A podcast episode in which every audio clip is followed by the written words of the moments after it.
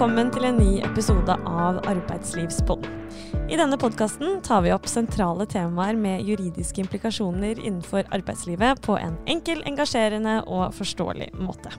Podkasten passer for alle som møter arbeidsrettslige utfordringer, men særlig ledere og HR-personell i norske bedrifter.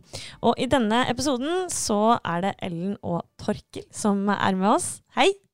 Hei, hei. Hei! dere har jo begge vært med før, men det er alltid hyggelig å lage podkast med flinke folk. Kan dere eh, gi en kjapp introduksjon på eh, hvem dere er, og hva dere driver med? Ja, det kan vi. Torkel Tveit her. Jeg er altså advokat i Sands og partner i Sands, og eh, har jobbet med arbeidsrett veldig, veldig lenge.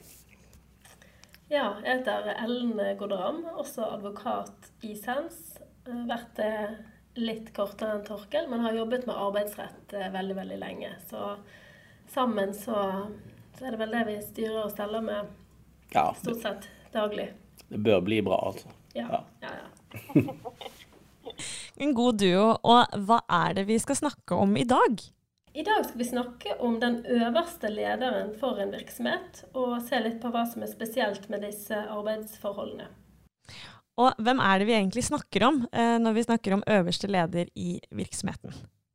Jo, altså Tittelen kan jo variere. Det kan være daglig leder, administrerende direktør eller CEO. Det er gjerne det vi hører om oftest.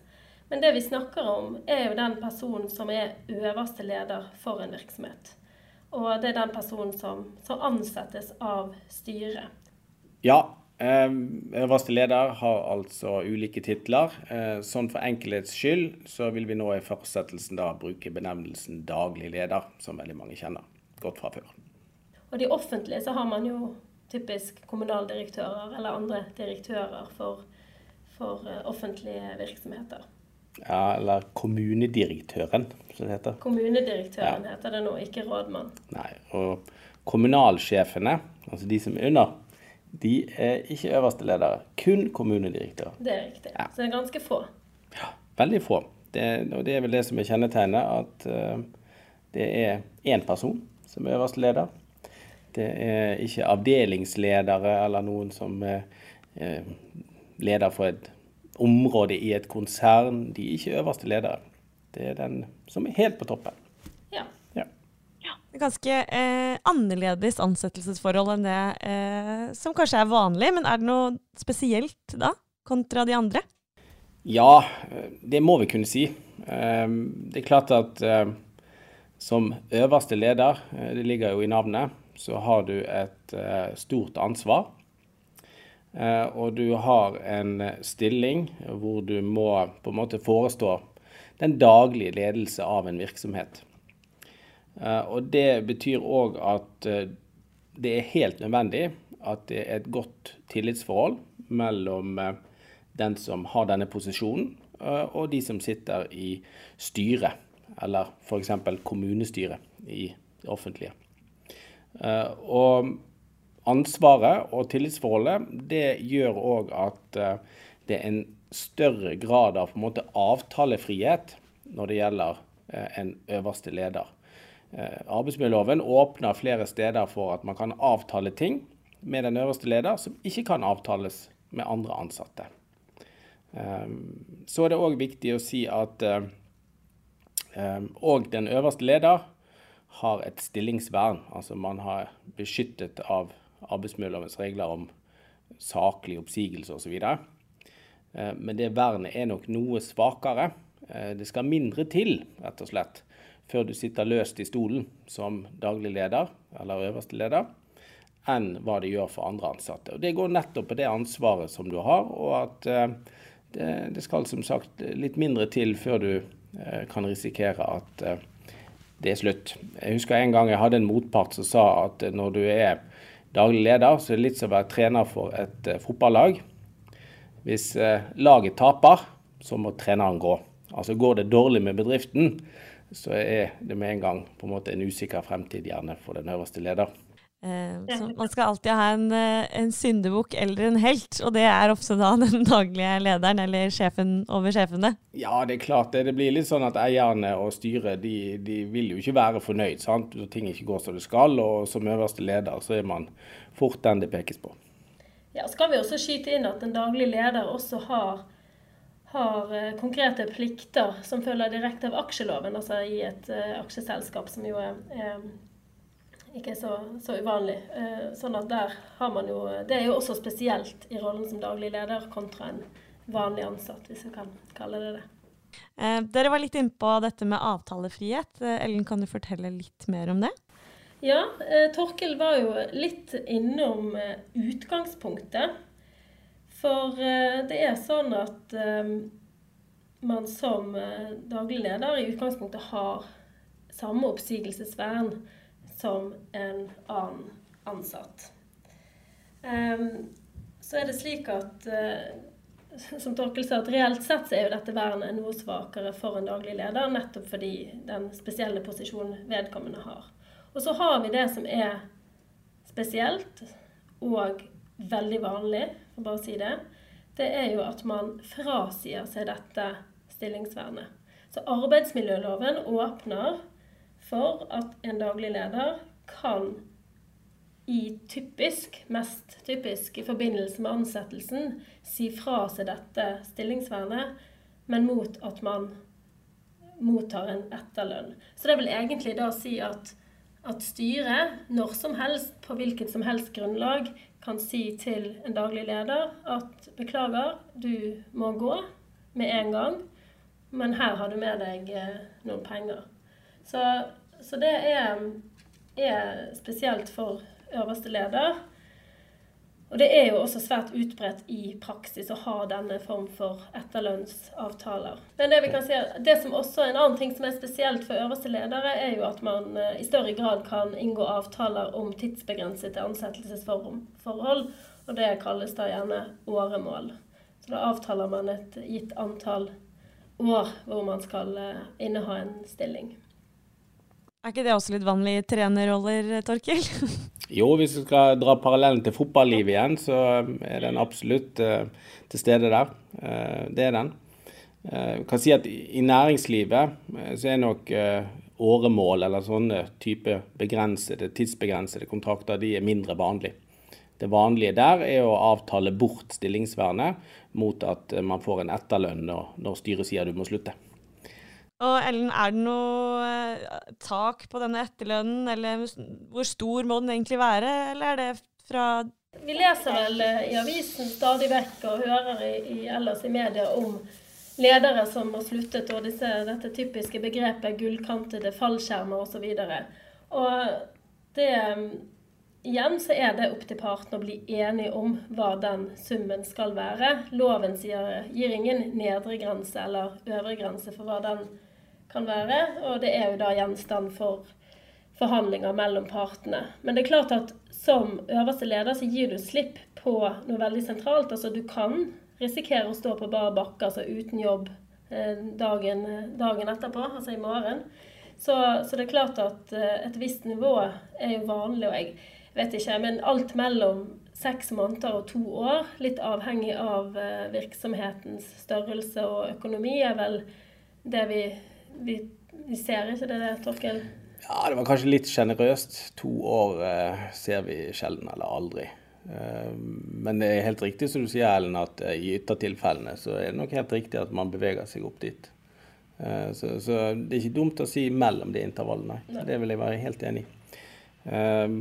Ofte så ser man at i denne type avtaler, som da forhandles når man ansetter daglig leder, øverste leder, så begynner gjerne arbeidsgiversiden med sånn fire måneder eller eh, litt knepent, og så får man en dragkamp.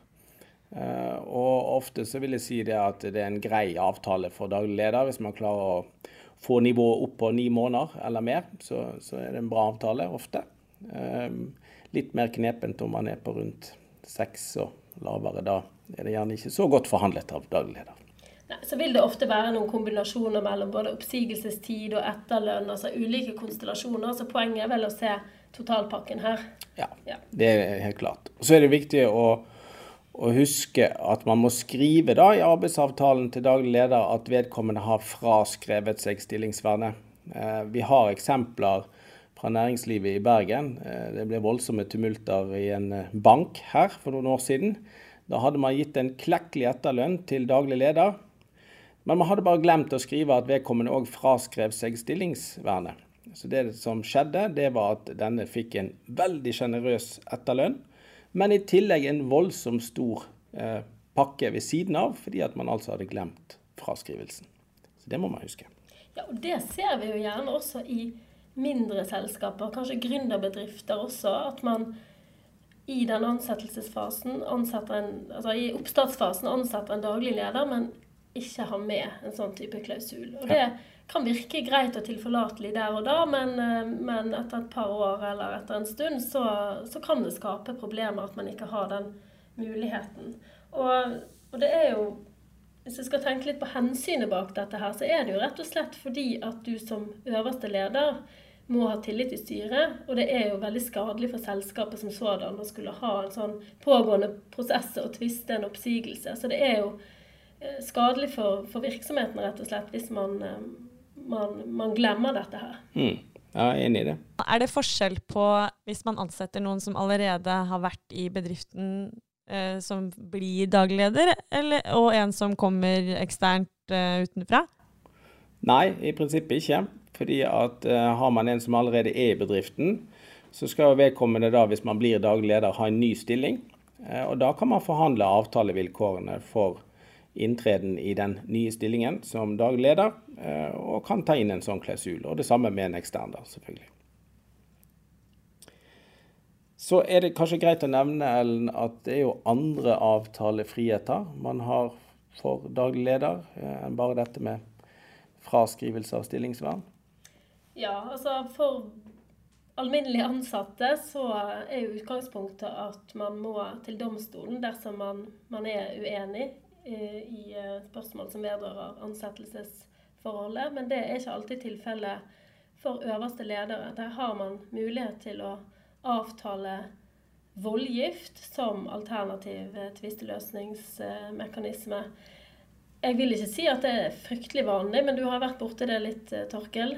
Ja, jeg hadde en sak hvor, eh, hvor, det var avtalt at dette måtte gjøres ved voldgift. og Jeg kan bare kort forklare hva en voldgift er. Det er da ikke en vanlig domstol, men der finner partene selv dommere som betales for å dømme i en sak mellom de. Eh, og det koster ofte veldig mye penger. De er ganske dyre, disse dommerne, for det skal være eksperter. Eh, til gjengjeld, så når denne dommeren eller dommerne i voldgiften har avsagt sin avgjørelse, så er det ingen ankemuligheter. Så man er på en måte fiks ferdig idet man har fått en avgjørelse derfra. Det er jo en fordel, for dette tar kortere tid gjerne, men det er en ulempe hvis du syns at den dommen var litt feil. da.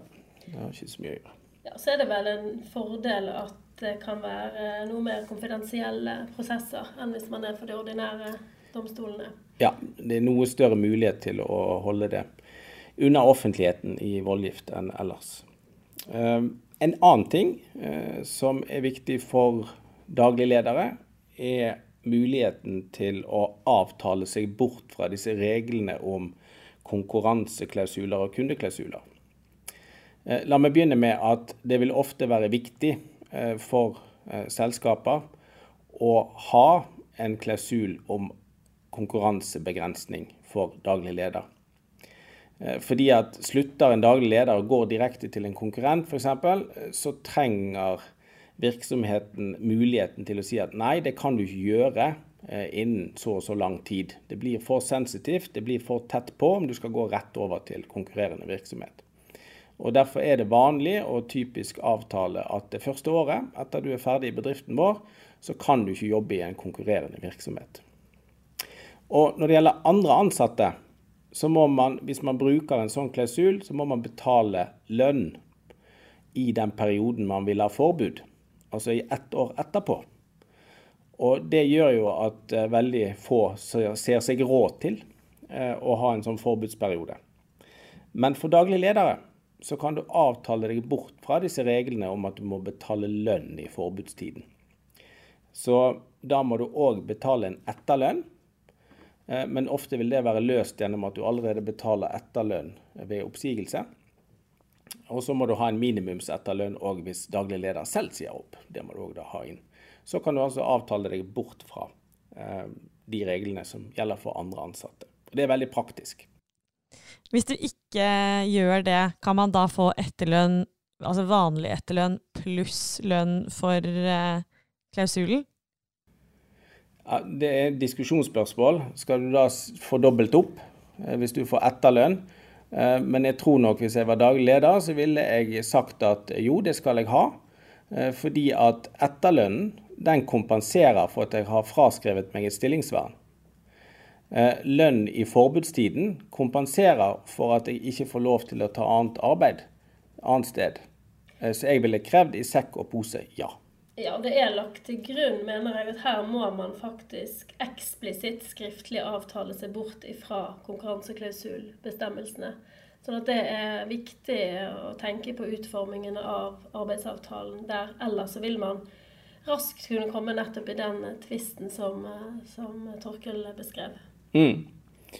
Så um, her gjelder det heller tungen bent i munnen, som det heter når man skriver kontrakter. Så jeg, altså, Bare for å understreke det du sa. altså En etterlønn det er egentlig en kompensasjon fordi at man fraskriver seg stillingsvernet som daglig leder ja. ofte.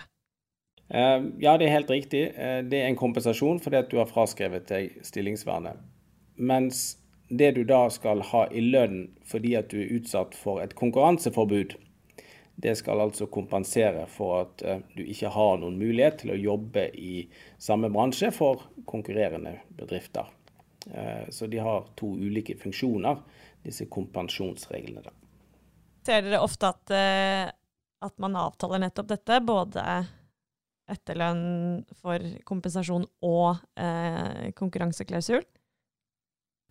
Altså Den vanlige modellen for øverste leder er at du har én etterlønn og så har du spesifisert i avtalen at man gjennom denne etterlønn også har fraskrevet seg eh, disse konkurranse- og kundeklausulsbestemmelsene. Sånn at man sørger for en indre sammenheng mellom etterlønnselementene.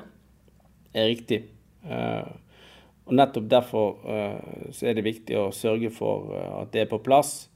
For hvis du bare sørger for eh, at du har etterlønn for å fraskrive seg oppsigelsesreglene, stillingsvernet, eh, og glemmer fraskrivelse av konkurranseklausulreglene, det er da du kan ende opp med sånn dobbeltbetaling.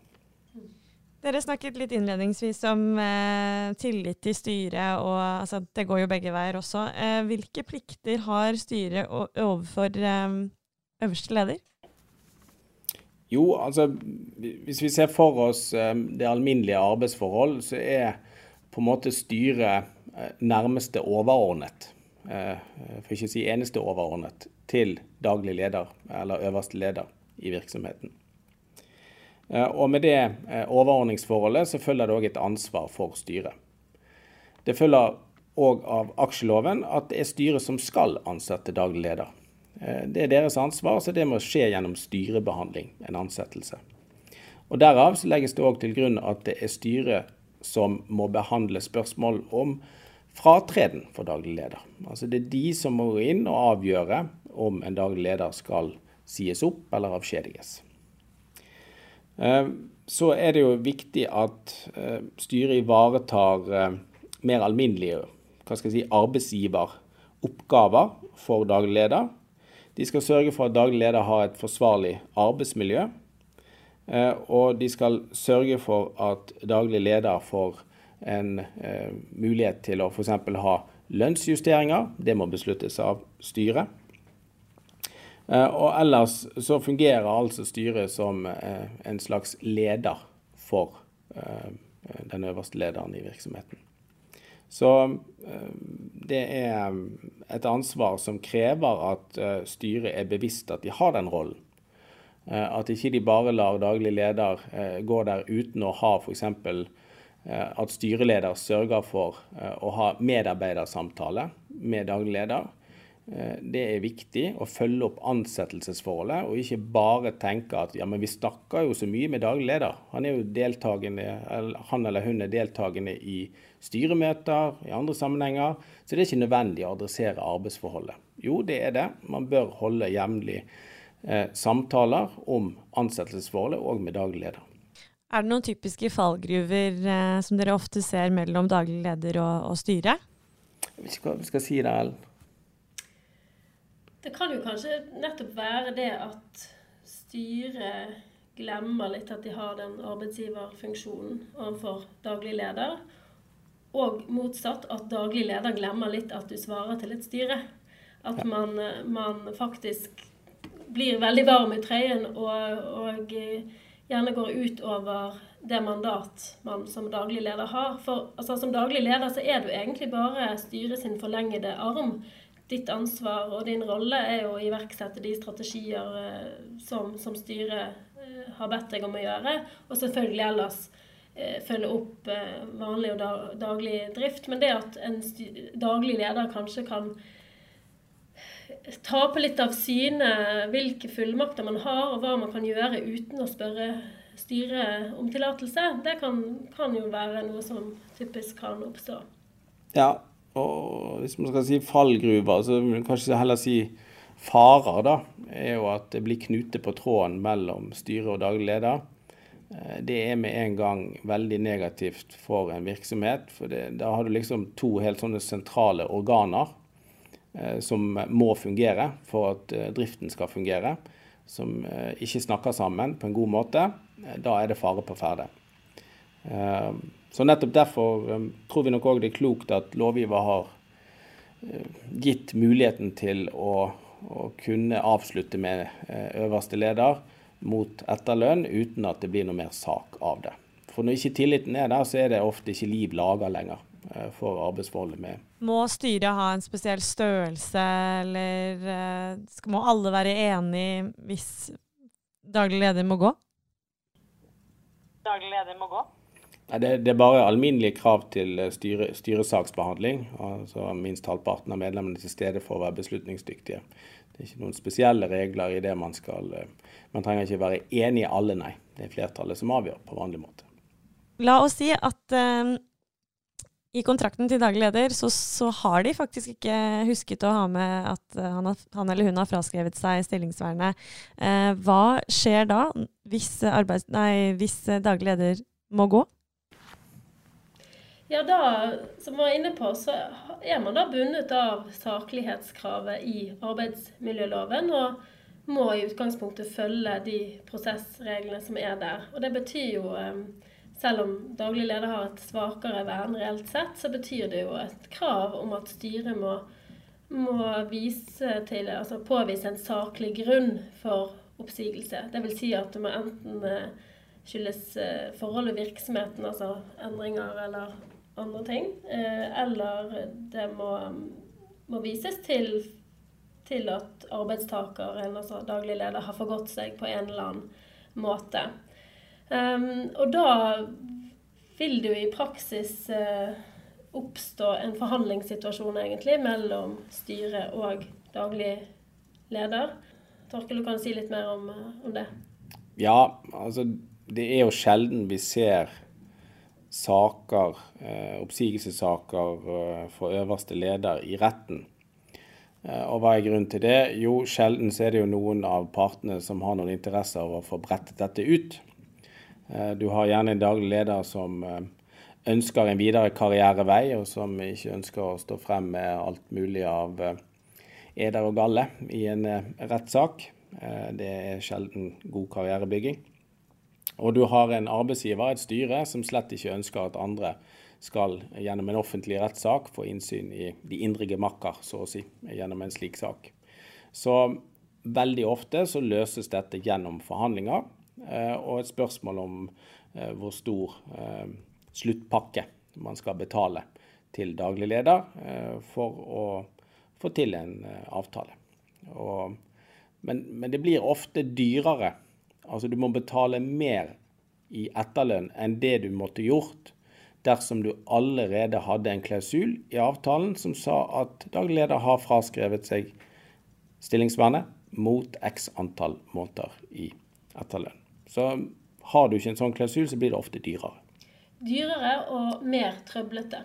Ja. For du har da en, en misfornøyd daglig leder, eh, presumptivt, på, på, den ene siden, som, som nok vil, eh, vil, bruke sin rett til å si at ja, men da kommer jeg til å fortsette i denne stillingen helt til jeg har en dom som sier noe annet. Så du har en helt annen forhandlingssituasjon sett fra styrets side også. Absolutt. Så helt overordnet her, så noe av det viktigste man eh, må huske på, det er å få det inn i kontrakten svart på hvitt. Ja, det er helt riktig. Og dette må gjøres ved ansettelsen, å få det inn da. Eh, det er ofte for seint å tenke på dette når det først begynner å gnisse litt. Da er det ingen som er veldig interessert i den type klausuler i sin avtale. Da har vi kommet oss gjennom podkasten der vi har snakket om eh, øverste leder i virksomheten. Hva er spesielt med disse arbeidsforholdene, og hva som er både styret og eh, øverste leders, leders, ansvar. Tusen takk, Ellen og Torkil. Dere er fine å ha med i podkasten, som alltid. Takk skal du ha. Takk skal du ha. Ha det bra.